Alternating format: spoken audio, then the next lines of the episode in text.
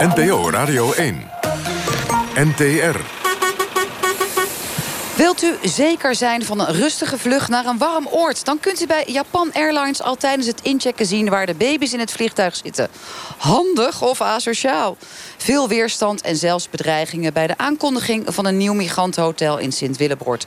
Hoe gaan we om met het nijpende tekort aan woningen voor arbeidsmigranten? Live vanuit Roosendaal is dit Kwesties, het debatprogramma van de NTR. Kwesties met Marianne van den Anker. Goedenavond, wat fijn dat u luistert. Elke zondag ga ik met de bus van NPO Radio 1 kriskras door het land... om vooral met inwoners en politici hier in de bus te praten... over wat hen na aan het hart ligt. Meekijken hier in de bus, dat kan via de app of op radio1.nl. Er is iets opmerkelijks aan de hand bij de Technische Universiteit Eindhoven. Ze zijn op zoek naar hoogleraren, docenten en ondersteuning. Oké, maar die 150 vacatures worden alleen voorlopig eerst voor vrouwen opengesteld. Mannen mogen na een half jaar ook solliciteren... als ze geen geschikte kandidaat hebben gevonden van het vrouwelijke geslacht. Een briljant of achterlijk plan voor snel meer diversiteit. Wie mag ik het woord geven in deze bomvolle bus? Frank van Gol. U bent uh, de uh, grote man van Otto Workforce. Klopt. En ik vind diversiteit vind ik ontzettend belangrijk. Als wij naar ons bedrijf kijken, dan hebben wij 50% van uh, vrouwen aan de top zitten. Alleen, ik, ik vind dat je mensen moet inzetten op basis van kwaliteit. En niet gaan zeggen van, nou, het moet een, een vrouw zijn. Daar geloof ik niet in.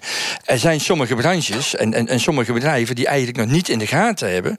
Als je vrouwen aan de top gaat zetten en in je team neerzetten, dat je je bedrijf veel beter gaat functioneren. Nou, kijk eens aan. Dat, dat veel beter briljant pleidooi van Frank van Gol. Daarmee ondersteun je feitelijk wat de TU Eindhoven wil doen nu.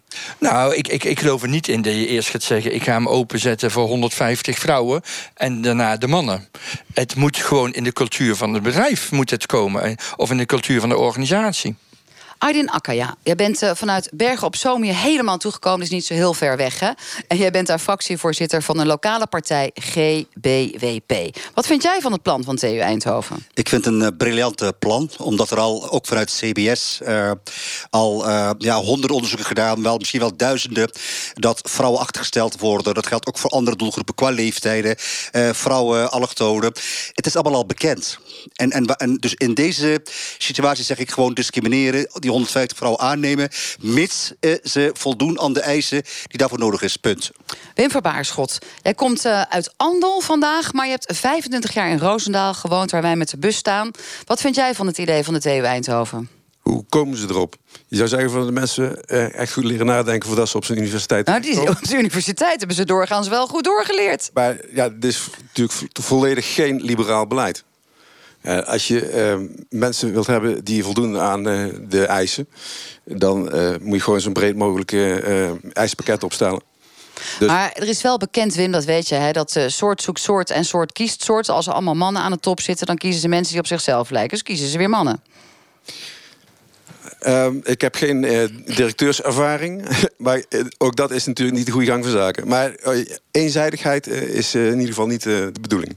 Theo de Jong, SP Bergen op Zoom. Jij bent een politicus, dus jij moet meteen met een vitaal, strak plan komen... om dit natuurlijk goed te trekken daar op die TU Eindhoven. Want er zijn veel te weinig vrouwen in de top.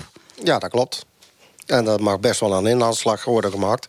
Maar om nou uh, direct vast te kunnen stellen dat dus uh, uh, alleen mannen geschikt zouden kunnen zijn voor bepaalde functies. Of dat je gaat kijken naar, het, moet wel, het moet wel kwalitatief zijn.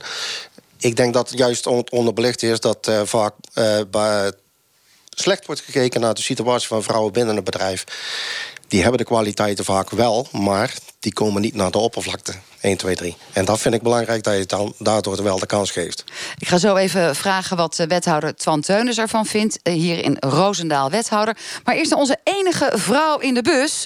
Samen met mij, Suzanne Dam. Je bent hier eigenlijk voor een heel ander onderwerp. Namelijk dat jij heel erg tegen een uh, hotel bent voor arbeidsmigranten in Sint-Willebroord. Nou. Maar ook vrouw. Wat vind jij ervan? Goede zaak wat de TU Eindhoven doet. Vrouwen voortrekken, alleen vrouwen. En de rest uh, komt later, namelijk na een half jaar. Ja, sorry, dan ben ik misschien wel een vrouw, maar ik ben er eigenlijk op tegen. Kijk, ik snap dat je meer vrouwen erin wil, maar je moet kijken, wat, wat meneer Langs mij hier al zei, naar de kwaliteiten van een persoon. Dus zet ze open voor mannen en vrouwen. En degene die daar het best uit de bus komt, of het een man of vrouw is. Maar dat zegt iedereen en het duurt al eeuwen en tijden en nog langer dan dat. En een quotum heeft niet geholpen. Dus nu zegt de universiteit zelf. We doen eerst vrouwen. Dan moet je daar de mensen die nou daar aan de top zitten uitgooien. Dan ben je van het probleem verlost. denk ik. Ja, maar die hebben dit juist voorgesteld. Ja, maar ja, ik vind dit wel een hele krom eh, discussie. Maar waarom dan? Je gaat toch ook niet mensen kiezen op basis van godsdienst of uiterlijk of, of, of wat dan ook. Kijk, stel je werkt bij de tandarts. Ja, tuurlijk moet je een mooi gebit hebben. Dat, dat vind ik logisch. Maar je wilt natuurlijk niet iemand met een, waar de tanden vanuit zijn mond Ja, maar liggen. Maar blijkt- Aydin Akkaya die heeft natuurlijk net een fantastisch argument gegeven. Althans, dat vind ik dan als neutrale presentator. Van het, het is daar nu al een discriminerende toestand. Want er zijn te weinig vrouwen. Dus herstel En het. dat is alleen niet in Nederland hoor. Ik, ik zeg het niet alleen voor Nederland, zie je ook in Turkije, zie je ook in Amerika. In heel de wereld zie je dat de mannen overheersen. Dat is gewoon een feit. Dat is geen discussiepunt meer. En wat ik zeg van joh, kom op, eh kunnen we dat een beetje herstellen? Ook al zou je die 150 aannemen, dan heb je het nog niet hersteld. Maar je geeft wel een, een bewijs. Het kan ook stimulerend werken voor andere bedrijven. Daar ging het om. Maar wat je dan ook weer krijgt. Suzanne Dam. Wat, wat mij dan in ieder geval opvalt, is dat je juist weer eh, vrouwen daar dan aan de top gaat krijgen. die dan. Eh, een stuk minder ergens van afweten. En dat vind ik dan een slecht reclamebeeld Ja, maar dit is een voor de denkfout. vrouwen. Dit is een denkfout. Waarom? Wij hebben net met elkaar gezegd... eh, het gaat om eh, mannen en vrouwen die dezelfde studie hebben gedaan. Alleen, als je kijkt naar de universiteit, zie je alleen maar mannen. En waarom zou die evenwicht niet meer terug kunnen komen... als daar lichts ontstaan? Daar gaat het om. Ja, oké. maar Uiteraard. Frank van Gool, je hebt ze allemaal eh, in de top eh, zitten. Die vrouwen gelijk verdeeld met de mannen. Eh, is het waar wat Suzanne zegt? Van het, ja, eigenlijk helemaal niet nodig. En je gaat op basis van, eh, van kwaliteit. En het is een onzinactie om vrouwen voor te trekken. Het, het, is een probleem in Nederland om de vrouwen aan de top te krijgen. Dat heeft ook andere oorzaken, heb ik begrepen. Heeft ook met onze arbeidsparticipatie te maken. En, en dat vrouwen over het algemeen wat minder uren maken. Wil niet zeggen dat ze slechter zijn. Maar wil je aan de top zitten, ja, dan moet er gewoon ook wel keihard eh, gewerkt worden. Het is niet in de hele wereld zo. Hè. Ik kom heel vaak in Oost-Europa. En daar zie je dus wel 40 tot 50 procent van de vrouwen aan de top zitten. En die regelen het ook met eh, moeder en, en, en vader thuis dat de kinderen worden opgevangen. Dus daar heeft het ook een stukje mee te maken. Wim van Baarsveld, je wilde net reageren. Ja, ik heb eh, eh, wat dat betreft wel wat ervaring eh, zoals dat gaat met eh, vrouwen die aangenomen worden bij, eh, bij een groot bedrijf. Eh, ik werk bij Shell en Shell Nederland die heeft een directrice. Ja. Noemen ze directeur, maar dat is Ja. wel een vrouw. Ja, Eh, Die komt overigens van. Raad van Commissarissen, ook veel vrouwen. Ja, die komt eh, bij de Universiteit van Eindhoven daar. Misschien dat ze daar een voorbeeld aan stellen of zo. Maar Maar zou bij jullie de pleuris uitbreken als de bestuursvoorzitter... net als dat hier gebeurt bij de TU de, eh, Eindhoven zou zeggen... de eerste 150 vacatures zijn gewoon voor vrouwen aan de top. als ze dat Shell zouden zeggen, Ja? wordt niet geaccepteerd. En waarom niet? Om, omdat het gewoon een, een natuurlijke groei moet zijn. Nou, De, de, de meeste mensen in de directies bij Shell die komen uit de technische wereld. En eh, technische eh, beroepen die, ja, die zijn niet zo vaak door vrouwen bezet. Maar als ze binnenkomen en ze hebben de kwaliteit, en Marian Verloon die bewijst dat, eh, dan komen ze aan de top. Ja, we hebben het Maar hier het ook over de TU Eindhoven. Dus als we jouw lijn zouden volgen, duurt het nog eindeloos... voordat die va- 150 vacatures zijn opgevuld. Twan Teunis, wethouder. Met hoeveel ehm, vrouwelijke wethouders bestuur jij de stad samen als man? We hebben op dit moment eh, twee van de vijf wethouders zijn, zijn vrouw. We zaten er van we hadden De burgemeester ook man. Eh, ja, ja, Hmm. ja, ja. Ja? Goed, dat, eh, Ja, zijn je daar tevreden over? ja, goed. Dat, eh overigens net de discussie Ik aanhangen. twijfel. Nee, heb alleen maar geef toch- hier eens even antwoord op. Welke vraag was? Ja, nou, jullie zijn eh, met vier mannen en twee vrouwen. Ja, dat is goed. niet de helft. Nee. Maar je ziet ook al gemeentes. Ik Frank van dacht, Gol. Ik dacht dat het Haarlemmermeer was, waar je ook alweer ziet dat, dat er meer vrouwelijke wethouders en een burgemeester is. Dus het slaat ook wel eens af en toe de andere kant op. En er is helemaal niks verkeerds mee. Maar het gaat nogmaals, we moeten kwaliteit hebben. En dat zie je, hebben we ook meegemaakt in Zuid-Afrika. De blanke en de zwarte. Op een gegeven moment kregen we daar ook de omwenteling. Er werden alleen maar de zwarte in hoge posities. De blanken die kwamen niet meer aan de slag. En uiteindelijk is het er ook niet echt beter van geworden. Dus alles moet wel met mate gebeuren. En ineens te zeggen 150, nou goed, ik, ik, ik weet niet hoeveel mensen dat ze per jaar aannemen. Maar die zeggen oké, van 1 op de 2 moet gewoon op dit moment voortaan een vrouw zijn. En dan ben je reëel bezig.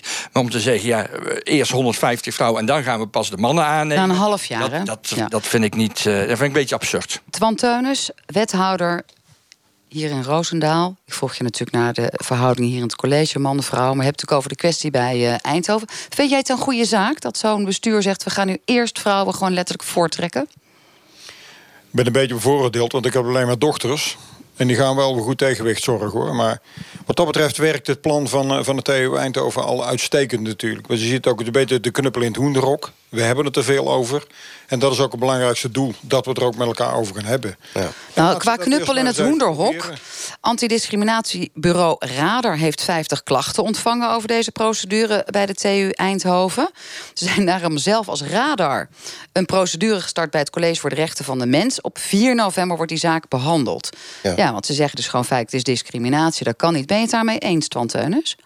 Nou, dat gaat wel heel erg ver over discriminaties natuurlijk. Maar nogmaals, ik, ik denk ook wel, als ik een beetje kijk naar de TU Eindhoven... dat dit ze ook bedoeld hebben om gewoon de knuppel in het hoendrok te gooien... aandacht voor te vragen. En laten ze het eerst maar eens even proberen. En als een ander naar de rechter stappen, moeten ze het vooral doen. Nou, is een goede vriendin van mij bijna uh, hoogleraar bij de TU Delft. Ik heb haar nog even gevraagd... zou jij bij de TU Eindhoven als hoogleraar aangenomen willen worden? Zij zei wel, ja, ik vind dat toch devaluatie. Dacht ik, jeetje... Dat is toch ook wel weer raar eigenlijk. Hè? Dat je als vrouw dan zelf denkt... ja, als ik zo aan de top ben gekomen... en dan wil ik toch aan jou vragen, Frank... want je hebt bewust vrouwen aan de top neergezet...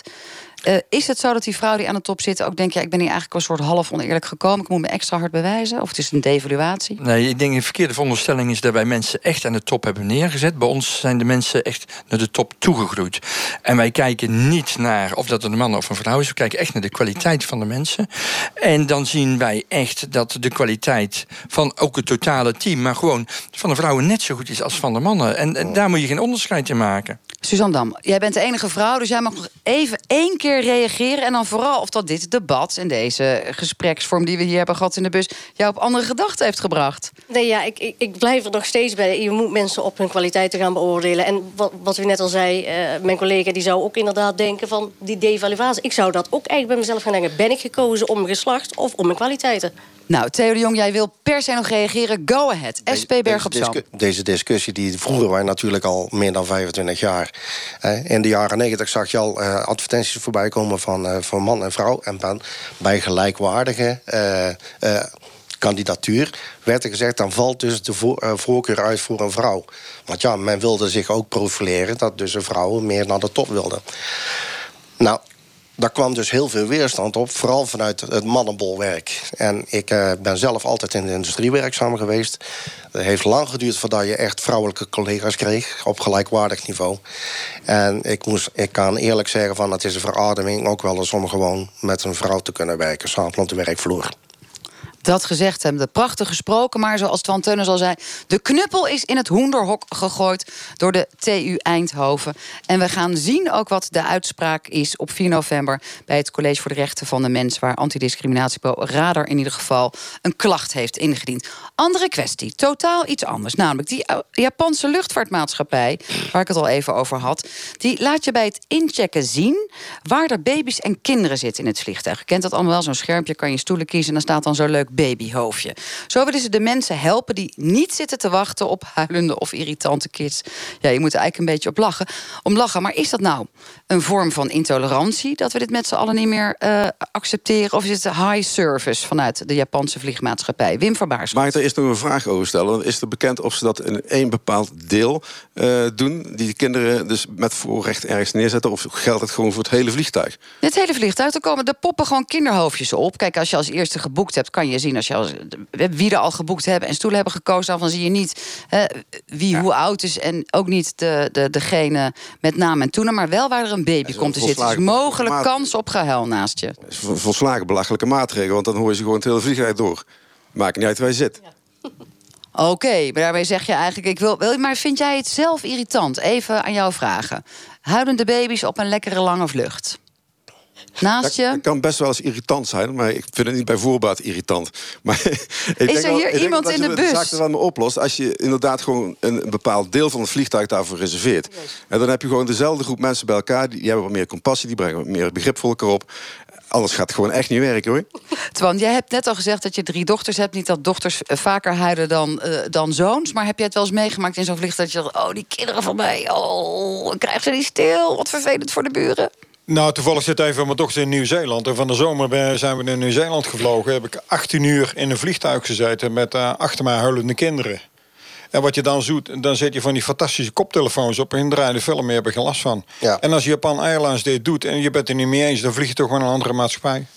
Oké, jij zegt gewoon eh, van die noise cancelling dingen erop zetten. Maar vind je van het principe dat dat wordt gedaan? Nog even los van het feit dat er een praktische oplossing is met koptelefoons. Nee, want voor je het weet, eh, Roosendaal, laat dan ook, Twan laat dan ook eh, waar, waar, waar dikke mensen zitten of ander soort mensen, waar, waar hou je dan de grens op? Eh, dat moet je gewoon niet doen. Ja, een, een take it or leave it. Ja, en soms heb je pech of geluk en pas je maar eventjes aan. Aydin Akaya, vanuit dat- Bergen op Zoom, fractievoorzitter van GBWP. Marianne, jij zei het ook al, we worden steeds intoleranter. Ja, honden blaffen nou eenmaal, baby's huilen nou eenmaal. Volwassene mensen kunnen praten, kunnen hun eh, eh, problemen oplossen. Maar een pijn in de oor van een baby, die blijft eh, schreeuwen. Wij moeten ook eh, accepteren dat dat soort dingen in de samenleving horen. Dus in openbare ruimte heb je drukte, heb je kabaal, heb je mensen die schreeuwen. Mijn eh, twee verder eh, buren, die hond die blaft een hele dag omdat de, de, ja, de mensen er niet zijn. Ik irriteer me, maar ik focus me niet meer daarop. Waardoor de irritatie ook wegneemt. Dus je gaat je op focussen en hiermee ja, ga je toch een stukje intolerantie in de hand werken. Frank van Gol, Ik Otto Workforce. Ik, ik, ik denk dat we gewoon met z'n allen toleranter moeten zijn of blijven. Want waar, waar houdt het dadelijk op? Gaan we dan ook bijvoorbeeld als we een vliegtuig hebben met voetbalhooligans... gaan we, hè, die, die ook gewoon een hele hoop lawaai maken... ga je zeggen, ja, daar willen we ook meer- niet meer langs zitten. Of dronken mensen. Het, het, het, het houdt... Of, eh, of arbeidsmigranten. Of arbeidsmigranten kan natuurlijk ook, ja. Nee, we zitten het nu een beetje belachelijk te maken, maar die Japanse airline eh, die zegt als onderbouwing: wij willen full service geven aan onze eh, reizigers. Die betalen veel geld voor een ticket. Als wij hen kunnen helpen met het laten uitkiezen van een stoel die niet bij kinderen zit, dan is dat gewoon een service aspect. Ja, ik, ik, ik, ik, ik, ik, vlieg zelf regelmatig eh, naar Japan... omdat we ook een Japanse aandeelhouder hebben. Het zit echt over de hele wereld, hè, die Otto Workforce Ja, precies. En eh, goed, je hebt ook mensen die gewoon snurken. En daar heb je misschien net zoveel last van, of nog veel meer last van. En wat doe je daarmee? Moet je van tevoren aangeven... ja, maar ik ben een potentiële snurker in het vliegtuig. Krijg je neus, dan krijg je neus eh, naar boven zo, op het plaatje. Suzanne Dan, wat vind jij? Heb jij kinderen overigens? Nee, gelukkig niet. En- Voor jou zou het wel wat zijn. Nee, nee, ik heb eh, dieren en dat zijn mijn kinderen. Die kun je tenminste in de been stoppen als ze vervelend zijn. Dus, eh, Ja, maar als, als, je, als je kinderen hebt hè, en je hebt dat meegemaakt... ik heb zelf ook wel eens een keer meegemaakt... dat ik met, met, met huilende kinderen in het vliegtuig heb geze- gezeten... En je ziet dat nu bij anderen, dan, dan heeft het ook wel een beetje charme, vind ik. Want dan hebben we zelf ook allemaal meegemaakt. Dus ja, waarom niet? Zou jij ervoor kiezen, Suzanne, als die mogelijkheid er zou zijn... Het- om een het- plek te kiezen naast kinderen of juist niet? Nee, ja, het geluidsoverlast zelf. Kijk, je kunt inderdaad de koptelefoon opzetten. Je hebt er geen last van. Maar je hebt ook vervelende kinderen van 13 jaar... die tegen de stoel zo de hele vlucht zitten te doen. En dan zeg je er wat van. En dan krijg je een boze moeder die dan de kind niet terecht wijst. En dan heb ik wel zoiets van... Ik snap wel dat mensen zoiets hebben als ze 18 uur moeten vliegen... van nee, dat wil ik niet achter mij hebben. Nou, Aydin Akaya, jij was nog wel zo voor pleiten voor tolerantie. Kinderen zijn er, een beetje medelijden met ze hebben als ze huilen. Ja, Zijn maar maar het lijkt klein. net alsof de conformsommen van eh, individuele mensen eh, voorrang moeten krijgen op de samenleving waar we met z'n allen gebruik van maken. Zoals wij ook hier met z'n allen zitten. Het is toch ook een beetje een beleefdheidsvorm. Die zijn we aan het kwijtraken. Op, op het minst geringste gaan wij al stijgeren, gaan wij al iets vinden. Social media is daar een mooi voorbeeld van. We gooien alles erop. Ja. Kom op zeg, we hebben met elkaar te maken. Dus respecteer elkaar een beetje. Ja, ik denk dat je, ik denk dat je dat soort dingen eh, gewoon niet, niet eh, zeg maar tegen kan spreken. Er zijn nou eenmaal eh, gedragsvormen die, die gelden. Maar als je bepaalde zaken op kunt lossen door een simpele maatregel... Ja, dan moet ik tegen eh, Japanese Airlines zeggen van... ja, doe maar goed, zet ze apart inderdaad in een bepaald gedeelte... niet over het heel eh, vliegveld heen, vliegtuig heen. Want het, het schiet namelijk niet op. Nou ja, jij bent in ieder geval, hoor ik, al enigszins De Teun die voorstander van het ja, feit dat... vliegen met de Japan Airlines. Maar in Japanese Airlines toestel gebeurt gewoon nog steeds hetzelfde... als in een ander toestel. Dus ze zitten door elkaar heen. Dus het helpt niet. Het helpt niet. En we hebben in ieder geval als oplossing die koptelefoon van Twan Teunis, wethouder uit Roosendaal. Nou, we gaan kijken of dat, dat hier in Nederland ook een vlucht gaat aannemen. Of dat een, ja, of een airline met deze service aan de slag zal gaan. Gezien deze discussie denk ik dat in Nederland weer leidt tot kamervragen en debatten. Volgende kwestie die we met u gaan behandelen. Wilt u geen stapels reclamefolders in uw brievenbus... dan bent u simpelweg door de reclamemafia verplicht... om een lelijke nee-nee-sticker op de brievenbus te plakken. In Amsterdam, afgelopen week, u hebt het vast gehoord... heeft de gemeente besloten dat inwoners straks alleen reclamefolders krijgen... als ze expliciet hierom vragen. Met een speciale ja-ja-sticker. Nou, wat vinden jullie ervan? Twan Teunis. Briljant idee. Gelijk invoeren. Ja? Nou, vanuit, eh, vanuit Breda is al gezegd door eh, GroenLinks. Wij gaan het ook meteen doen. Ik zie dat Maar we hebben. GroenLinks in de coalitie zitten. Eh, Jullie Ah, ook, dus Roosna ook. gelijk, Ja? gelijk regelen. Maar is het... Nou, oké. Waarom meteen regelen? Wat zit er dan voor, voor een voordeel aan, eh Twan Teunis, wethouder Roosendaal? Nou, ik snap het wel een beetje. Kijk, ik, ik, ik heb zelf zo'n situatie. Ik moet nog steeds een nee-nee-sticker halen. Eh, Zegt mijn vrouw wel eens, je werkt dat ook op het stadskantoor, breng dat ding een keer mee, dan vergeet je weer. Maar je krijgt elke keer die rotzooi maar binnen. En dan denk ik van ja, als je die graag wil hebben, draai het dan om. Als je daar behoefte aan hebt om dat te lezen, dan ben jij degene die dit gewoon eventjes aangeeft. Dan eh, draai, draai het gewoon om. Als jij eens behoefte aan, nou dan regel je dat zelf. Suzanne Dam. Tuurlijk mag jij wat vragen. Eh, hoe weet je dat? Gaan ze nou dadelijk niet te veel van die reclamefolders maken en niemand wil die dadelijk meer? Dan zit je met heel veel papierwerk waar je niks aan hebt. Kun je dan niet alles via de mail het beste sturen? Heb je helemaal geen papier meer. Dat doen nou we. ja, zou jij dat liever hebben? Dat al die reclame via je mailbox Ja, binnenkomt? je weet niet voor wie je aan het. Je weet niet hoeveel mensen zeggen: ik wil wel of geen reclame van. Moet je alle deuren controleren? Oh ja, nee, dit, dit, als dit wordt ingevoerd... hè, in Amsterdam is het nu regel... en straks zullen we het waarschijnlijk hier in Breda gaan zien... en in Roosendaal en Bergen-op-Zoom... dan plak jij een ja-ja-sticker op je brievenbus... en dan weet de postbode, oké, die wil Ja, zo'n oké. lekker geplastificeerd pakketje... met 35 van die Oké, folders maar dan heb je dus al die folders. Wat moet je ermee als iedereen dus eh, nee, nee heeft? Of, of niet, niet Ja, maar en dan droogt het waarom vanzelf wellicht op. Maar nog even terug. Wie van jullie kijkt in die folders? Want bij jou hoor ik Twan, eh, wethouder Roos, al heel duidelijk... dat de vrouw er dan eh, om vraagt. Dus eh, die zal ze niet doorkijken. Spit Nou, die jij ze zelf nog wel eens door? Dat, Wie van jullie spit de reclamefolders door? Ik spits ze niet door, maar Wim ik kijk er wel in. En ik denk ook gewoon dat je ehm, de ondernemers de ruimte moet geven om die reclame te maken. Dat ik dan, eh, ja. wie weet op een gegeven moment nog van eh, waar die winkel zit, bijvoorbeeld. Dat dienen die folders ook voor. Theo de Jong, SP? Ja, kijk, als je die sticker... eh, ik heb eh, bijvoorbeeld een nee-ja-sticker. Ik wil wel de weekbladen hebben van, eh, van de lokale krantjes. Maar ik, de ongedrukt... eh, of ja, reclamewerk, dat wil ik, wil ik niet hebben. Want ja, het interesseert mij gewoon helemaal niet. Ja, er zijn ook best wel veel mensen die, eh, weet ik in ieder geval uit Rotterdam, die echt die dingen uit zitten te pluizen. En er is soms echt geld te verdienen als je de aanbiedingen volgt. Ah, dat mag toch? Dan eh, doen ze zo'n sticker dus doen ze zo'n ja-ja-sticker. Het scheelt Ja. 33 kilo overigens per dan huishouden. gewoon Als je ze niet eh, ja-ja-sticker bijvoorbeeld. Maar het blijft nog, eh dat gaat natuurlijk die, die ondernemers een hoop geld kosten. Ben ik nou de enige die hier voor de ondernemer hier zit? Ik weet niet, maar als jij ja ja-sticker plakt... Hè, ehm, ik kan me ook voorstellen in deze tijden van klimaat... en iedereen let op elkaar. Beest. En we hebben al natuurlijk de, de, de vliegangst... Hè, dat je eh, het milieu belast. Straks ben je een soort paria met je ja-ja-sticker. Want dan wil je namelijk 33 kilo papier toevoegen aan de afvalberg. Dat is pas discriminatie. Frank van Gol. Nee, als ik heel eerlijk moet kiezen, ik, ik vind zo'n nee-sticker op je brievenbus vind ik helemaal niet, niet uitzien. Dus daarom zou ik hem eigenlijk niet willen hebben. Maar zo'n ja-ja-sticker, als ik het echt wil hebben, ja, ik, ik vind het echt een goede oplossing. En dan komt het ook daar terecht waar het moet. Men kan het op afstemmen. Men, men weet hoeveel ja-ja-stickers er in een straat zijn. Dus er hoeft niet iets extra's eh, geproduceerd te worden. Het is goed voor het milieu. Eh, en, en degene die denken, ja, ik heb toch een bepaalde groep van de mensen niet bereikt.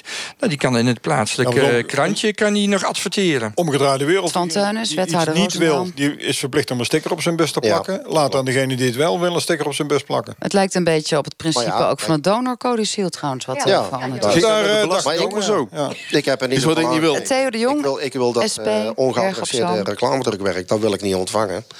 Dus ik heb een nee ja sticker, want ik wil wel het eh, Ja. weekbladje. Om, ja, er staat ook informatie voor de gemeenten in en dergelijke. Dat is altijd wel handig.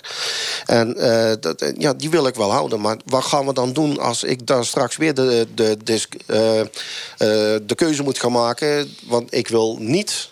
Maar ik moet toch een sticker aangeven om, te- om aan te geven dat ik Volgens mij zit jij wel snor hoor met je nee-ja-sticker. Ja. Ik denk dat die wel gehandhaafd eh, blijft. En voor de rest alleen nog maar gaat alles ervan af. Die nee-nee lelijk, nee, want dat vinden mensen vaak. Hè. Nee-nee lelijk op je briefbus. Heb je het prachtig voor elkaar daar met je voordeur. En dan zit er zo'n lelijke ontsierende sticker op. Aiden Akker, jij, ik heb jou nog niks horen zeggen over de folders. Pluis je ze uit? Ja, kijk, mijn vrouw uh, vindt het wel fijn. Ik zelf uh, zit meer uh, vanuit het principe van dat ze iets door je strot doorduwen. En, en dat je zelf eigenlijk heel dat je zelf moeite moet gaan doen om iets wel of niet te willen. En net met die spam ook. Je krijgt op je mail allerlei spam. En ik, ik vraag er niet om, maar het is ooit ergens geregistreerd en het blijft maar komen. Dus je wordt er een beetje moe van. En ik hoef het probleem van de ondernemer niet op te lossen. Maar de ondernemer kan zelf ook hier voordeel uitputten. Namelijk dat als hij weet dat hij heel veel niet hoeft in te doen in zo'n straat. Ja, dat scheelt hem ook weer drukwerk. Dus, dus je, je kunt ook de ondernemer helpen hierbij. Ja, dat is de wereld. Wim natuurlijk. Hè? Je, je zegt van, uh, dan hoeft de, de ondernemer zijn, uh, zijn drukwerk niet te maken voor zijn reclame. Maar als hij deel, reclame maakt, dan komen de mensen naar zijn winkel. Heel simpel. Ja, maar werkt dat zo? Ja, natuurlijk. Anders was die reclame nog nooit gekomen. Als jij op de straat loopt en er wordt iemand drukt iets in je hand... en drie meter eh, verderop gooit het alweer weg. Zeg nou eerlijk. Maar Akja, we gaan we toch terug naar jouw verhaal. Want ik vind dat jullie wel heel gemakkelijk eroverheen praten... dat dit de oplossing is, dat het zo logisch is... en vanzelfsprekend dat we dat niet al jaren geleden hadden. Er zijn echt veel mensen die die folders uitpluizen... en juist vanwege die stuntacties gewoon veel beter uit zijn. Ja, ja-sticker op de deur plakken. Ja, dat is waar. Dat is waar. Die plakken een ja-ja-sticker. Mijn vrouw doet dat. Mijn vrouw doet dat, die, die pluist alles uit. Goed, we gaan door naar het volgende, volgende onderwerp. dat is over iets anders dan stickers. Kwesties met Marianne van den Anker. Wat ook opvalt hier in de provincie Noord-Brabant is de groeiende weerstand in verschillende gemeenten en ook vanuit buurtbewoners als het gaat om de komst en huisvesting van arbeidsmigranten. Van waar die weerstand? Waar moeten deze arbeidsmigranten dan wel wonen? Bij mij in de bus bezorgde inwoners, de lokale politiek. Hebt al een aantal mensen gehoord, heeft eigenlijk iedereen al gehoord. De wethouder uit Roosendaal, die is hier. Theo de Jong, raadslid namens de SP Bergen op Zoom. Frank van Gol van het arbeidsbemiddelingsbureau Otto Workforce en Suzanne Dam inwoner van Sint-Willebroort. Ja, jullie hebben je al ontzettend laten horen. Ik start bij Frank van Gol. U hebt nou ja, hebben net gehoord, uh, regelmatig een vliegreisje. U zit overal met uw kantoor. Uh, eh, 20.000 arbeidsmigranten werken er alleen al via uw uitzendbureau. Um, wij denken altijd aan aspergestekers en mensen die werken in de kassen. Wat is het werk wat de arbeidsmigranten doen? Geef eens een aantal voorbeelden. Nou, er zijn inderdaad een aantal misvattingen sowieso voor arbeidsmigranten. Eh, zeker is dat we de 500.000 in Nederland uh, hebben. Dat ze het werk doen waar op dit moment geen Nederlander voor te krijgen zijn. Uh, een derde werkt in de land- en tuinbouw. Twee derde in de logistiek en in de techniek. Maar ook al in de gezondheidszorg zien we veel arbeidsmigranten voorbij komen. Ze hebben een economische bijdrage per jaar aan onze economie van 15 miljard. En onze schatkist van 1,5 miljard. Uh, en wat je ziet op dit moment de arbeidsmigranten die pikken niet het werk in van de Nederlanders. Er zijn al voldoende onderzoeken zijn in, de, in de wereld uh, en in Nederland gekomen dat ze, dat niet gebeurt. En uh, ook een misvatting is dat ze goedkoop zijn. Dat is ook niet zo. Want ze moeten gewoon hetzelfde salaris krijgen wat elke Nederlander uh, verdient. Ik hoop dat alle mensen die aan het luisteren zijn ook pen en papier erbij hadden. Want we kregen heel veel informatie. Even als aanvulling. Um, ook misschien een misverstand, maar komen ze alleen of komen ze in gezinsverband? Nou, ze kunnen zo, zo, volgens mij kunnen ze teruggehoord. Ja, dat is ook zo. Dat, komt uh, ook goed. Nee, je ziet heel veel uh, arbeidsmigranten in eerste instantie hier komen. We noemen dat ook de short stay. Mensen die blijven van 0 tot 2 jaar hier of, of echt seizoenswerk. En na twee jaar besluiten ze of dat ze hier ook daadwerkelijk langer willen blijven. En hoeveel procent van van die 11.000 mensen? 20% van die 11.000 die ook bij u werken blijven hier permanent Ja, in, inmiddels zijn er meer geworden. Dat zie je dan ook de huisvesting. Want we hebben 11.000 mensen in Nederland aan het werk. En ongeveer voor de helft verzorgen wij huisvesting. En de rest is dus al langer dan twee jaar in, in, in Nederland. Oké, nou, voor wat betreft de cijfers. Wim Verbaarschot, want er werden ook een aantal argumenten al meteen meegegeven door Frank eh, van Gol. Ze nemen de werkplekken niet in van de gewone Nederlanders. Ze worden goed betaald. Nou, waar wil jij nou, op reageren? Ik heb uh, pas toevallig nog gesproken met een uh, MKB'er... die zelf ook een bedrijf heeft waar mensen vanuit Polen en dergelijke, Oost-Europa mensen vandaan komen. Maar hij zei ook van, de discussie raakt een beetje vervuild... omdat niet precies zeg maar, duidelijk gemaakt wordt... waarom die mensen die hier in Nederland hun sociaal loon verdienen... waarom die niet gaan werken in die bedrijven. En die hebben natuurlijk die concurrentie van die, van die Oost-Europeanen. Maar als ze hier in Nederland als werkelozen gaan werken... dan schieten ze er bijna niks meer op. Die MKB zei ook van, nou geef die mensen nou gewoon een, een, soort basisloon van 500 euro. En laat ze zeg maar, de gelegenheid krijgen om uh, op een aantal plekken eventueel eh, elke keer eh, 500 euro daarmee bij te verdienen. Zodat ze er inderdaad wat meer opschieten. Want de meesten denken gewoon van, eh, ik ga niet werken, want ik zie er geen donder meer op. Heb ik eraan. Oké, maar dat gaat nog meer over de verdiensten en het loon. Het gaat hier vanavond, we kunnen alle kanten op hoor. Het is een beetje net wat jullie ook willen. Maar wij dachten dat we hier met elkaar het thema wonen beter wilden pakken. Want dat is hier gewoon een probleem. Ja. En recent in Sint-Willebord, en daarom ben jij ook hier, Suzanne Dam... ehm, is er geprobeerd om een eh arbeidsmigranthotel neer te zetten... door overigens een ander bedrijf dan eh, Otto Workforce. En als bewoners wisten jullie allemaal niet zo goed wat er ging gebeuren. De een was wel uitgenodigd voor een vergadering, de ander niet. Maar het punt is, jullie willen het gewoon niet. En niet op deze manier. Nou, is niet in de kern. Eh, kijk, dat is het probleem. niet in de kern. En de kern betekent in het, in het dorpscentrum. We hebben gezegd gewoon eh, sowieso eh, de, de manier waarop we geïnformeerd zijn. Ik, eh, wij thuis hebben een, een uitnodiging gekregen. En de rest van de buren helemaal niet. Terwijl dat ze ook dichterbij zaten, dat soort dingen. Ja. Oké, wij gaan, heb ik begrepen, snel naar Andy Houtkamp van Willebroord en het Polen Hotel. Want daar start Daphne Schippers bijna voor de 100 meter. Dat klopt, hè, Andy? Klopt helemaal. Het is eh, de 100 meter inderdaad. En het is Daphne Schippers. En het is warm. Maar dat hoor je bijna elke dag hier vandaan. Uit eh, Doha 2019. De wereldkampioenschap atletiek. Het is de halve finale. We hebben al twee halve finales gehad. Daar zijn door Talou, Thompson, Smith, Asher Smith en andere Smith uit Jamaica. Twee dames uit Jamaica. één uit Ivoorkust en één uit Groot-Brittannië. Het zou prettig zijn als er ook een Nederlandse in die finale kwam. Daphne Schippers dus. Want ze moet lopen tegen een Chinese. Ge tegen een eh, Britse Lensico. Muriel Aure, 32 jaar, Ivoorkust. Eh Shelly Fraser Price, die is heel sterk, 32 jaar alweer. Maar toch, Jamaicaanse liep dit jaar 10.73. Eh zij loopt in baan 5, baan 6. Baptiste uit Trinidad en Tobago. Daphne Schippers in baan 7. Zij moet eh, het maar even gaan doen. Ze moet bij de eerste twee eindigen. Of sneller dan 11.10 lopen. Dan eh, komt ze er ook nog wel. Want dat zijn de tijden die eh, gelopen moeten worden. Iedereen is voorgesteld. Tori Bowie in baan 8 en Tatjana Pinto in baan 9 ook voorgesteld. Nee, baan 8 loopt niet. Tori Bowie, die baan blijft leeg. En dat betekent dus dat zij er niet bij is. En dat is toch wel de regerend wereldkampioene en tweede op de Olympische Spelen van Rio. Waarschijnlijk geblesseerd geraakt is er niet bij in deze halve finale. Dus eh, houden we eh, er 6, 7 over.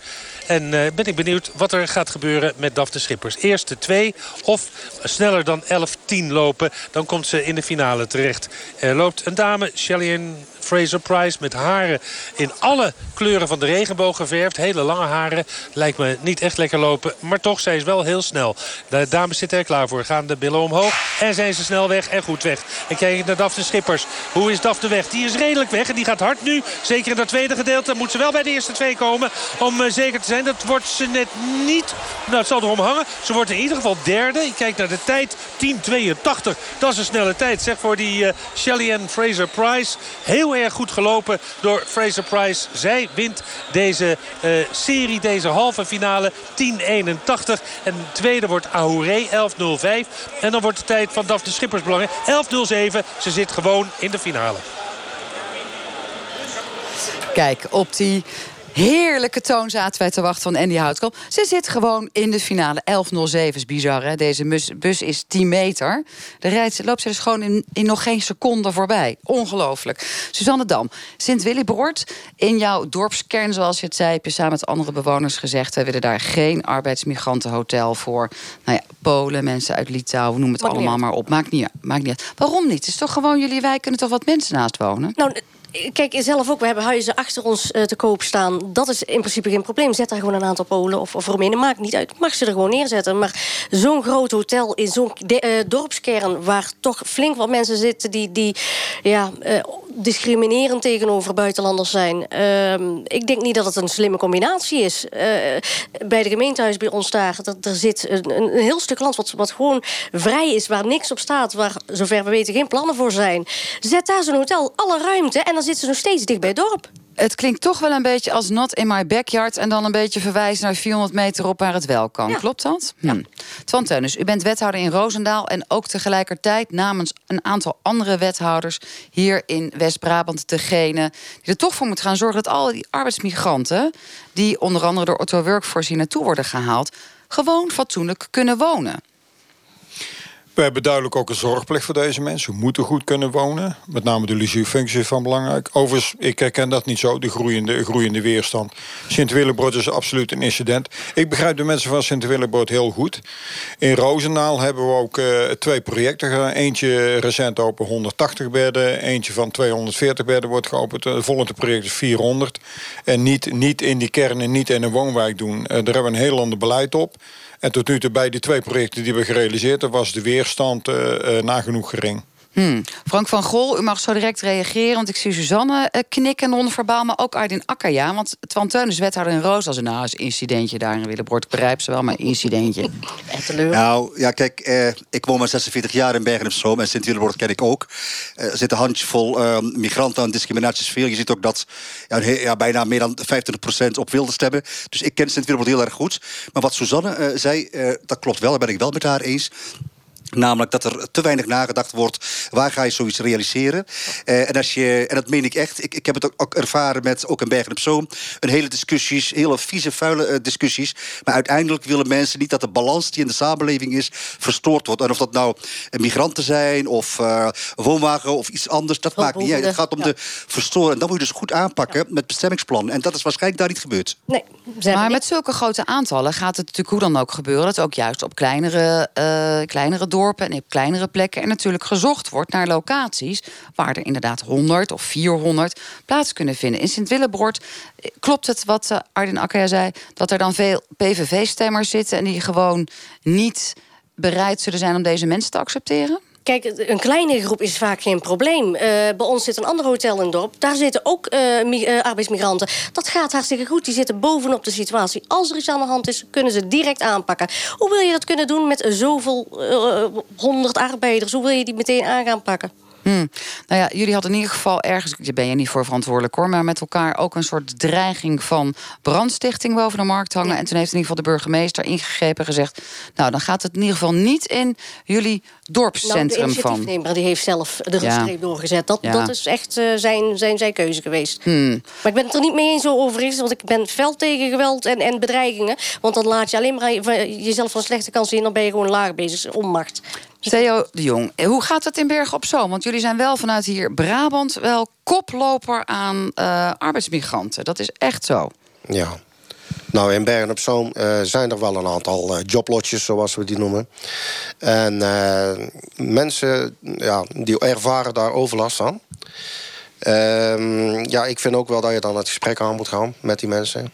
Maar voordat je eigenlijk uh, die mensen in, de, in, de, in wijken gaan, uh, gaan, uh, gaan plaatsen... en dan moet je echt wel onderscheid maken. Is het long stay of is het short stay?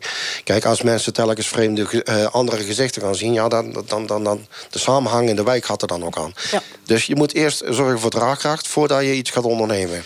Twantonis, doe je dat ook hier in Roosendaal en jouw collega-wethouders? Zijn ze allemaal um, zo slim van um, uh, sociale aanvoelingsvermogens dat zij bedenken: ik ga eerst zorgen voor draagvlak in al die wijken waar wij deze arbeidsmigranten willen plaatsen? Dat zijn twee vragen. Eerst even de eerste vraag: hoe in Roosendaal? Want ik ken het in uh, Sint-Willebrood. Als ik daar de situatie zie van. Daar was een initiatiefnemer en die gaat zelf op pad om een plan. Bewoners verwachten steeds meer dat jij als gemeente regie neemt. En in Roos hebben heel duidelijk gezegd ook tegen initiatiefnemers... klop eerst aan bij de gemeente. Als je een plan, een idee hebt kunnen wij van tevoren al adviseren... doe het niet of doe het wel. Dat is hier wel gebeurd, toch? In de gemeente. Ze zijn naar de gemeente geweest, ook al zei de gemeente van niet... maar achteraf wisten ze wel degelijk van de situatie. Ja. ja. En vervolgens ja, hebben ze natuurlijk ik... tegen de initiatiefnemer gezegd... zeg maar dat je daarmee stopt. Maar nou, ondertussen vonden ze het zelf ook niet handig waarschijnlijk vanuit de gemeente. Ze al eerst met de mensen om tafel moeten gaan. Ze hadden dat van tevoren toch kunnen weten. Kom op, uh, gebruik je hersens, denk ik dan. Ja, wat Frank, weten, weet Frank van De tweede vraag, ja. mijn collega wethouders... om te kijken in, in West-Brabant heel goed... We weten de verantwoordelijkheid. We moeten zorgen voor deze mensen. We moeten projecten gaan realiseren om, uh, om, om die mensen te doen. En we hebben overleg ook. Elke gemeente kijken. Er zijn een paar gemeenten die, ja, die trekken echt wel aan de kar. Die gaan echt doen. Er zijn een paar gemeenten die blijven toch behoorlijk, eh, behoorlijk achter. En de tijd dringt. En achter daarmee bedoel je dat jullie hier een, een soort verdeelafspraak met elkaar hebben gemaakt. van zoveel bedden moet elke gemeente realiseren. Want jullie zitten hier met die enorme toestroom van arbeidsmigranten. Zover nu niet. De provincie heeft heel duidelijk eh, eh, tegen de gemeente gezegd in Noord-Brabant: jullie moeten actie ondernemen. Dus je laat ons nog even met rust. We hebben onze eigen verantwoordelijkheid eh, te nemen. En dan vervolgens kijken welke gemeenten nemen die verantwoordelijkheid. We hebben allemaal die gezamenlijke verantwoordelijkheden. Om die mensen goed te huisvesten. En daardoor ook overlast. Want op sommige plekken, ook in Roosendaal rond de Poolse supermarkt is er wel degelijk uh, overlast om die ook goed te bestrijden. Op Zoom is dat wel geregeld. Hè? Kijk, Aiden Akka, ja. We hebben klachten, dat valt wel mee. Dat zijn kleinschalige uh, joblotjes. waren maar twee klachten gekomen in uh, twee jaar tijd. Dus dat valt wel mee. Alleen, ik zal voorstellen, ook in Bergen op Zoom... want voor de persoon die gaat slapen maakt het niet uit of het hier of daar is. Voor de ondernemer die zich gaat, daar gaat huis laten vesten... Ja, voor hem is dat ook geen probleem. Dus het, is eigenlijk, het maakt voor de personen zelf niet uit, maar voor de omgeving wel. Dus waarom zou je van de omgeving niet, ja, dat niet naar luisteren, zeg maar. Hmm, waarom zouden we niet naar luisteren? Nou, dat gebeurt op sommige plekken wel, op sommige plekken niet. Frank van Gol, Otto Workforce, jullie hebben op tal van plekken ook zelf uh, initiatieven genomen om dingen te bouwen. Vaak in overleg met gemeenten, soms met provincies. Wat is de succesformule om te voorkomen dat het net zoals in Sint-Willebord ontploft? Nou, we hebben een aparte organisatie opgezet voor de huisvesting van de arbeidsmigranten Kavra. En we hebben afgelopen jaar al vier grote projecten succesvol gerealiseerd. Eentje was in Waalwijk en dat is een een complex van 400 mensen. Uh, aantal bestuurders, en zeker uit eh, Noord-Brabant, maar eigenlijk uit heel Nederland, zijn daar al, al wezen kijken. Ook wel, inderdaad, je moet het niet in een woonkern doen. Je moet het op de rand doen. Het moet de afstand naar de winkels moet niet te ver zijn. Maar, aan de rand betekent gewoon lekker op het industrieterrein nou, parkeren. Dat, dat, hier is een industrieterrein, maar alleen dat is wel zodanig gesitueerd dat die afstanden niet te, te, te groot zijn in ieder geval. En wat ook wat we hebben gedaan, en bijvoorbeeld in Venderij en in, in, in Venlo en op andere gemeentes waar we bezig zijn, is wel eerst kijken, is het een kansrijke uh, locatie? Want dat is belangrijk. Je kunt niet zomaar met hagen gaan schieten. Want inderdaad, dan krijgen de bewoners, die krijgen, hoor, ja, hier komt... Heb je dat wel eens meegemaakt, dat je het niet gerealiseerd kreeg... omdat je het gewoon onhandig had aangepakt? Namelijk toch de verkeerde plek, geen kansrijke locatie, slecht gecommuniceerd? Wij uh, hebben uh, op dit moment vier, vijf locaties gerealiseerd. We hebben er tien in de pen. We hebben nog geen blauw oog opgelopen. En dat zal misschien ooit nog wel eens een keer gaan gebeuren. Maar het is echt, het is... Het, het, maar in hoeverre? Want ik denk dat dat ook de dus- vraag is van Suzanne. In hoeverre hou je nou? Want jullie hebben grotere belangen. Een wethouder heeft grote belangen. Hoe hou je de belangen van de inwoners? In de gaten? Ik, ik, denk dat het belang is van iedereen. En het is het belang van de arbeidsmigrant. Het is belang van de omwonenden. Hè? Wat, wat, wat speelt er in die buurt? En hoe ga je het organiseren? En wat wij heel erg doen... Wij, wij denken, we hebben een kansrijke eh, locatie. Dan gaan we een informatieavond houden, ja. En natuurlijk, iedereen in die buurt is sceptisch. Ik heb nog nooit applaus gehad. Nou, en wat we toen dus op een gegeven moment... Uh, wat we dan doen, is een klankbord neerzetten. We krijgen het hele... Ik zie al zo'n soort PowerPoint-slide ja, voor zo is wel. En, en dan ga je met mensen. En dan gaan we de gespreksavond en dan gaan we een vergunning aanvragen. Ja, precies. En uiteindelijk worden mensen worden gewoon je ambassadeurs. En daar schrijven wij naar. Maar dat is denk ik wel een belangrijk punt. Dat jullie het zo voor elkaar weten te krijgen. Dat de omwonende ambassadeurs worden en zeggen... het is tof, want het is hier fijn, gezellig samenwonen. De huidige locaties zeggen de, de klankbordgroep mensen... als je op een nieuwe locatie bezig gaat... haal ze me hier naartoe. Wij vertellen hoe dat we het met jullie gedaan hebben. Wim van Baarschot. Ja, het uh, blijft toch een geluid wat ik uh, te weinig terughoor uh, in mijn ogen. ik heb dan ook wel gehoord dat de lonen in Oost-Europa ook gaan stijgen. En dat scheelt niet zoveel meer hier die mensen die komen op een gegeven moment niet meer hier terug. En dan los ik dat probleem ook wel zelf op, hoop ik. Oké, okay, dat probleem van het wonen. Maar dan kunnen we mooi overschakelen naar een ander onderwerp. Namelijk, hebben we deze mensen echt nodig? En met jouw inbreng, Wim, zeg je nou... ze zijn straks niet eens meer te krijgen. Dan hebben we, moeten ze ergens anders vandaan halen. Ja, ik denk dat Theo, uh, Theo de Jong, SP Berg Uiteindelijk uh, zullen dus ook uh, die, die landen, net zoals Polen... zullen een inhaalslag maken met, uh, met de lonen. Maar wat je nu ziet, is dus dat dus, de Polen hier werken... en in Polen werken de En wat we hier moeten gaan, gaan realiseren in Nederland, vinden wij dat er dus eigenlijk een uh, regulering moet komen. Want er zijn ook werknemers, of uh, werkgevers bedoel ik, die alleen maar uitsluitend gebruik willen maken van, eh, van eh, arbeidsmigranten. En dan krijg je dus een hele scheve discussie. Want ik vind dat elke werkgever hier in Nederland ook de taak heeft. En dan moeten wij dan hier ook in onze gemeentes eh, aanwerken met, met onze wethouders en de druk erop opzetten. Dat dus ook, want wij hebben dus ook gewoon werkelozen hier nog steeds rondlopen. En mini-ZZP'ers die niet En rond. En die, en die moeten dus ook aan jij bent ook actief op, op heel West-Brabantse schaal... samen met andere eh, wethouders, zelf hier in Roosendaal actief. Geef jij dat ook aan typen zoals eh, Otto Workforce door... van het is prima dat jullie hier wat eh, willen doen... maar wij willen wel gewoon dat je 12% van onze bijstandsklanten... of mini-ZZP'ers in dienst neemt? Ja, er wordt er gesuggereerd dat we helemaal niks doen. Niks is minder waar. We kijken ook eh, zeer actief als ik kijk in het Roosendaal. Ik noem maar op uh, Pruimig Distributiecentrum. Een mega, mega logistiek centrum. Waar we heel actief zijn bezig geweest. En die zijn ook heel succesvol om te kijken. Trajecten met onze bijstandsmedewerkers. Daar, daar kunnen we aan de cijfers aantonen. Dus zo zwart-wit ligt het ook niet in. En ik heb laatst ook, en dat klinkt helemaal raar misschien... ook een oproep gehouden voor collega wethouders arbeidsmarkt van... laten wij samen met de uitzendbureaus kijken. Die van die Polen. Wat voor opleiding hebben die? En als ze een goede opleiding hebben, om ze permanent hier te laten blijven. Want we hebben ze hard, hard nodig voor de toekomst. Suzanne van Dam, denk jij, Suzanne Dam, denk jij ook dat wij uit het buitenland mensen moeten halen voor het werk, zoals uh, Frank van Gol dat uh, omschreef? Uh, als ik eerlijk moet zijn, nee. Ik denk dat we eerst uh, mensen die hier uitkeringsgerechtigden zijn... bijvoorbeeld, of statushouders, dat die aan het werk gezet moeten worden.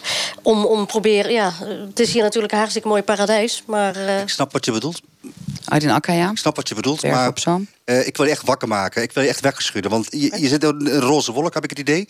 Uh, op dit, wel paars haar, hè? let op. Hè? Op dit, moment, uh, op dit moment heb je nu al 30 à 40.000 verpleegkundigen nodig. De demografische ontwikkeling, de vergrijzing... zorgt ervoor dat je straks nog tussen de 100 en 300.000 medewerkers nodig hebt.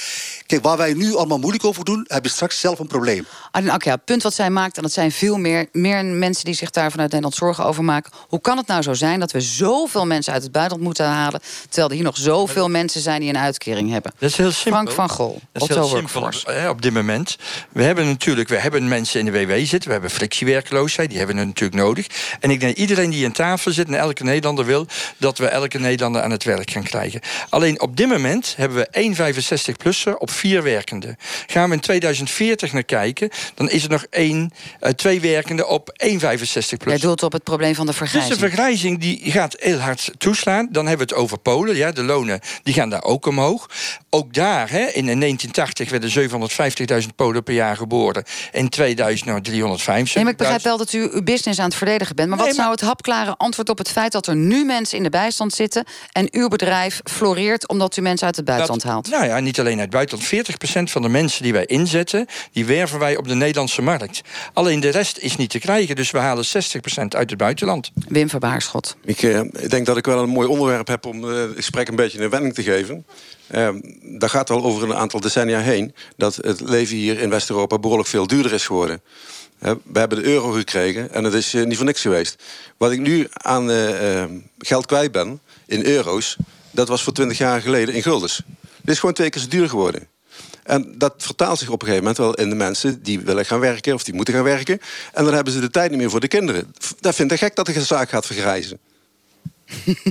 Ja. dat is een, een nieuwe invalshoek, je zei het al. Ik, ik, ja, dat is waar. Maar Twan Teunis wilde nog reageren op het feit... dat uh, ik redelijk fel zei van... jongens, het is een een, een, lastige situatie in Nederland uitlegbaar... dat er zoveel mensen een uitkering ontvangen, WW... en er ook zoveel mensen zijn die van buiten worden gehaald om het ja, werk soms denken mensen die dat roepen... verdiep je er nou eens eventjes, eventjes in. We weten ook in de Roosdaalse, in de bijstand, wat er in terecht komt. Mensen kunnen niet meer instromen bij de sociale werkvoorziening. Die komen allemaal in de bijstand. Die C-categorie, dat bedoelen we ook... de mensen tot de achterstand, uh, tot de arbeidsmarkt...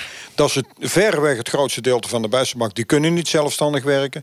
In maar misschien moeten mensen moeten niet wakker dan moet u misschien als, uh, als wethouder zeggen... die schrijven we af, want dat is ook elke keer weer het verhaal. Ja, maar, nou, laat, denk... me, la, nee, maar laat me nou eerst even uitspreken... en dan wil ik ook wat je eraan doet. Die mensen mogen niet thuis blijven zitten. In Roosendaal hebben we nu al bij de begroting toegevoegd... anderhalf miljoen euro extra loonkostensubsidie... om die mensen met beschutwerk te plaatsen bij die bedrijven. Maar vergis je niet, die mensen gaan echt geen 100% volwaardig werk doen. Dus dat, dat moet je compenseren. Meer, maar ze moeten wel beschut en zinvol werk hebben. Oké. Okay. Ja, Theo de Jong, die SP. Mensen, die mensen die dus in die C-status zitten... die hebben we zelf ook heel bewust als politiek te lang buiten beeld laten zitten. En daar hebben we dus op een gegeven moment... en nu gaan we dus in Bergen op Zoom wel het traject in... om door middel van een businessmodel... om in ieder geval eh, eh, alle- allemaal weer gesprekken aan te gaan... met de mensen die in die C-status zitten. En dat denk ik dat dat wel goed een uitwerking is. Op dit moment hebben ze dus nu 266 mensen hebben ze nu in beeld. En die kunnen straks toch via het werkplein toch uitstromen uit de sociale dienst.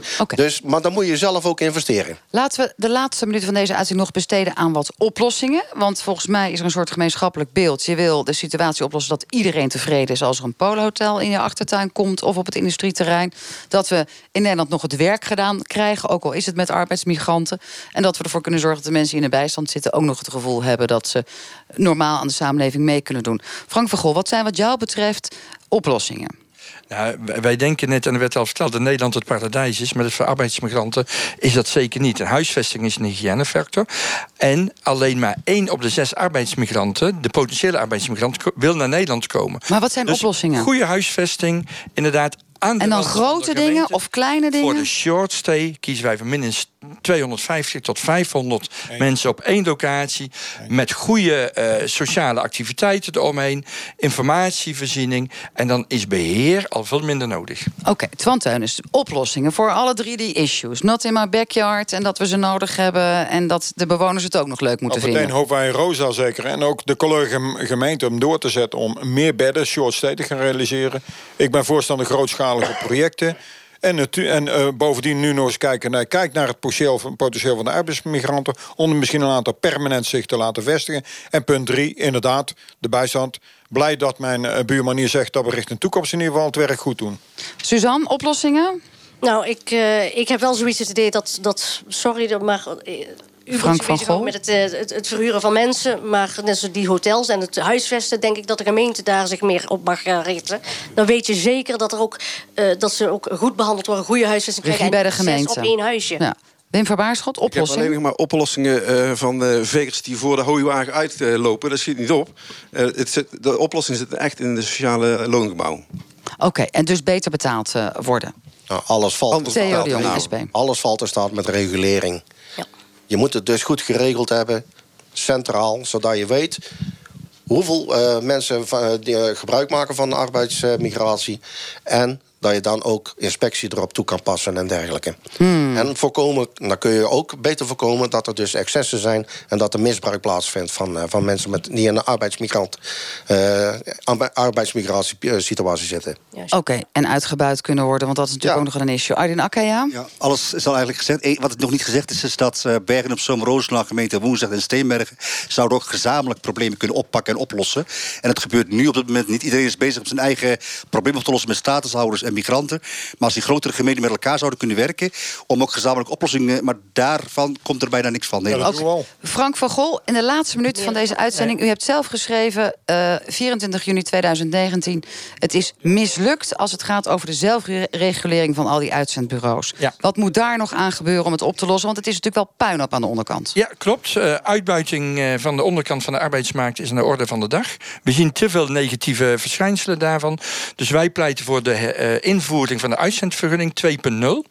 Zoals ze zeggen, dat mensen ook niet allemaal met ploffen-BV'tjes het kunnen hebben. Helder. Om die onderkant aan te pakken. U hoort het al. De bus start. Wij rijden weg uit Roosendaal. Waar we heen gaan volgende week, dat weten we niet. Maar tot zover kwesties. Dank jullie allemaal vanuit Roosendaal.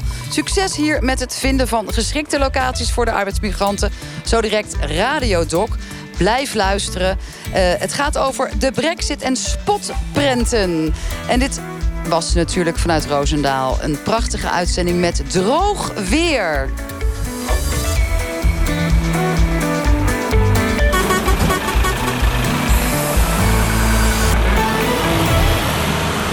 NPO Radio 1. Piepjong was Treintje Oosterhuis toen ze met Total Touch haar zangcarrière begon. En nu viert ze haar 25 jaar jubileum. Wat ik ben. En het klinkt alsof het feest pas net begonnen Wat is. Ik dacht te zijn. Luister dinsdag naar Kunststof. Dit is voor alle tijd die ik heb. Het Treintje Oosterhuis. Dit is voor mij, dit is voor mij. En het is pas over wanneer ik dat zeg. Op NPO Radio 1. Het nieuws van alle kanten.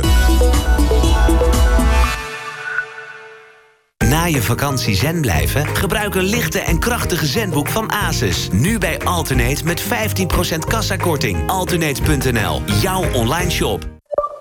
De hoogtijdagen van het Russische Hof zijn weer terug. Met de Romanovs, flamboyante keizerinnen en de High Society. Met glitter en glamour, fabelachtige sieraden en prachtige jurken. Ervaar de magie van toen bij onze tentoonstelling Juwelen. Ik ben Katelijne Broers, directeur Hermitage Amsterdam. Komt u ook? 15% korting op alle Asus zenbooks. Ga naar alternate.nl slash zenbooks. Goede zorg is nooit af. Daarom kijkt CZ verder dan vandaag. Want als werkstress beroepsziekte nummer 1 is... dan biedt CZ werkgevers het Vitaliteitsportal. Hiermee kunnen medewerkers zelf aan de slag met het aanpakken van werkstress. Kijk op cz.nl slash bedrijfszorg. CZ.